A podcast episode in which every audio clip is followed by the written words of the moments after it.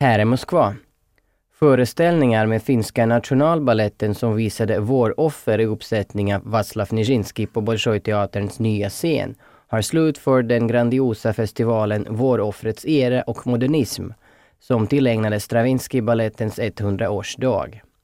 För precis 100 år sedan, våren 1913, bröt en skarp skandal ut på Élysée-teatern i Paris då den förnäma publiken visades balletten Våroffer till Stravinsky-musik i Nijinskys tolkning. Föreställningen blev en riktig bomb eftersom Stravinsky blåste upp alla tänkbara melodiska regler medan hans vän Nijinsky gjorde revolt inom danskonsten. Han ringaktade alla utsökta rörelser och försökte återvända åskådaren till hedniska riter från den tid då stammens finaste tjej offrades upp till gudarna. I salen blev det ståhej och kalabalik. Några ylade av förtjusning medan andra skrek lika högt av ilska. Sedan dess har det gjorts minst 100 koreografiska tolkningar av Våroffer. Finska nationalballettens regi är en repris på Václav Nijinsky koreografi. Inom ramen för Stravinskis festivalen visades Bolshoi-teaterns ballett Lägenhet i regi av svensken Mats Ek medan Bejars balett bidrog med synkop och kantat 51 samtidigt som Pina Bauschs dansteater också la fram sin tolkning av Våroffer. Finska ballettens pressekreterare berättade för Rysslands röst hur den klassiska tolkningen av Våroffer togs emot.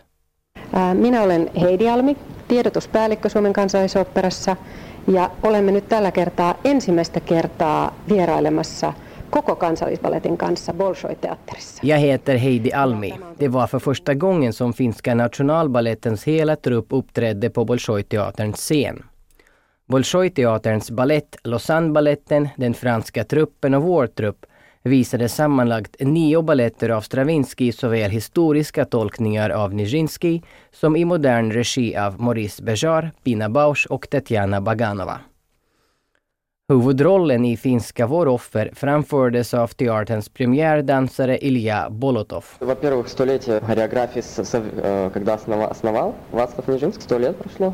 Столетие весны священной. И после как бы все остальные... Med vårt uppträdande i Moskva firar vi 100-årsdagen av Våroffrets första uppsättning av Václav Nijinsky. Balletten förblev toppmodern trots att ett helt århundrade gått. Denna ballett har en förenande kraft för oss alla. Jag är till exempel ryss som utexaminerats från Uralstaden Perms koreografiska skola. Det var dit som man under andra världskriget evakuerade pedagoger och elever vid ballettskolan i belägrade Leningrad. Härmed räddades de undan oundviklig död och några kom även att stanna kvar på Ural efter att ha förlorat släktingar i svält, bombardemang eller motoffensiv. Sedan dess har Leningradskolans ypperliga mästerlighet levt och frodats hos oss i Ural. Allt som jag kan lärde jag mig just här. Kanske hade jag lite talang från första början. Jag dansade ju i tre år över hela Europa och valde till slut Finlands nationalteater. Jag trivs i dess internationella trupp bestående av fransmän, italienare, amerikaner, kanadensare, koreaner, kineser, japaner och ryssar. Ibland är det riktigt svårt, men vi har samma mål framför oss. Och det är teaterns konstnärliga direktör Kenneth Greve som leder truppen till detta mål. Jag heter Kenneth Greve och jag är chef för den finska nationalballetten.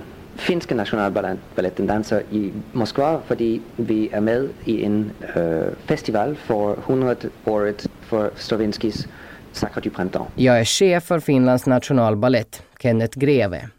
Vi på balletttruppen är glada att få vara med i denna enastående storfestival. Så vitt jag vet fick vår trupp äran att vara med för att ha lyckan rekonstruera Nijinsky ursprungliga tolkning, som är 100 år gammal. För oss känns det verkligen grandiost att få presentera sin tolkning av Stravinsky och Nijinsky här i Ryssland, i Moskva, på Bolshoi-teatern. Vi gör verkligen vårt bästa.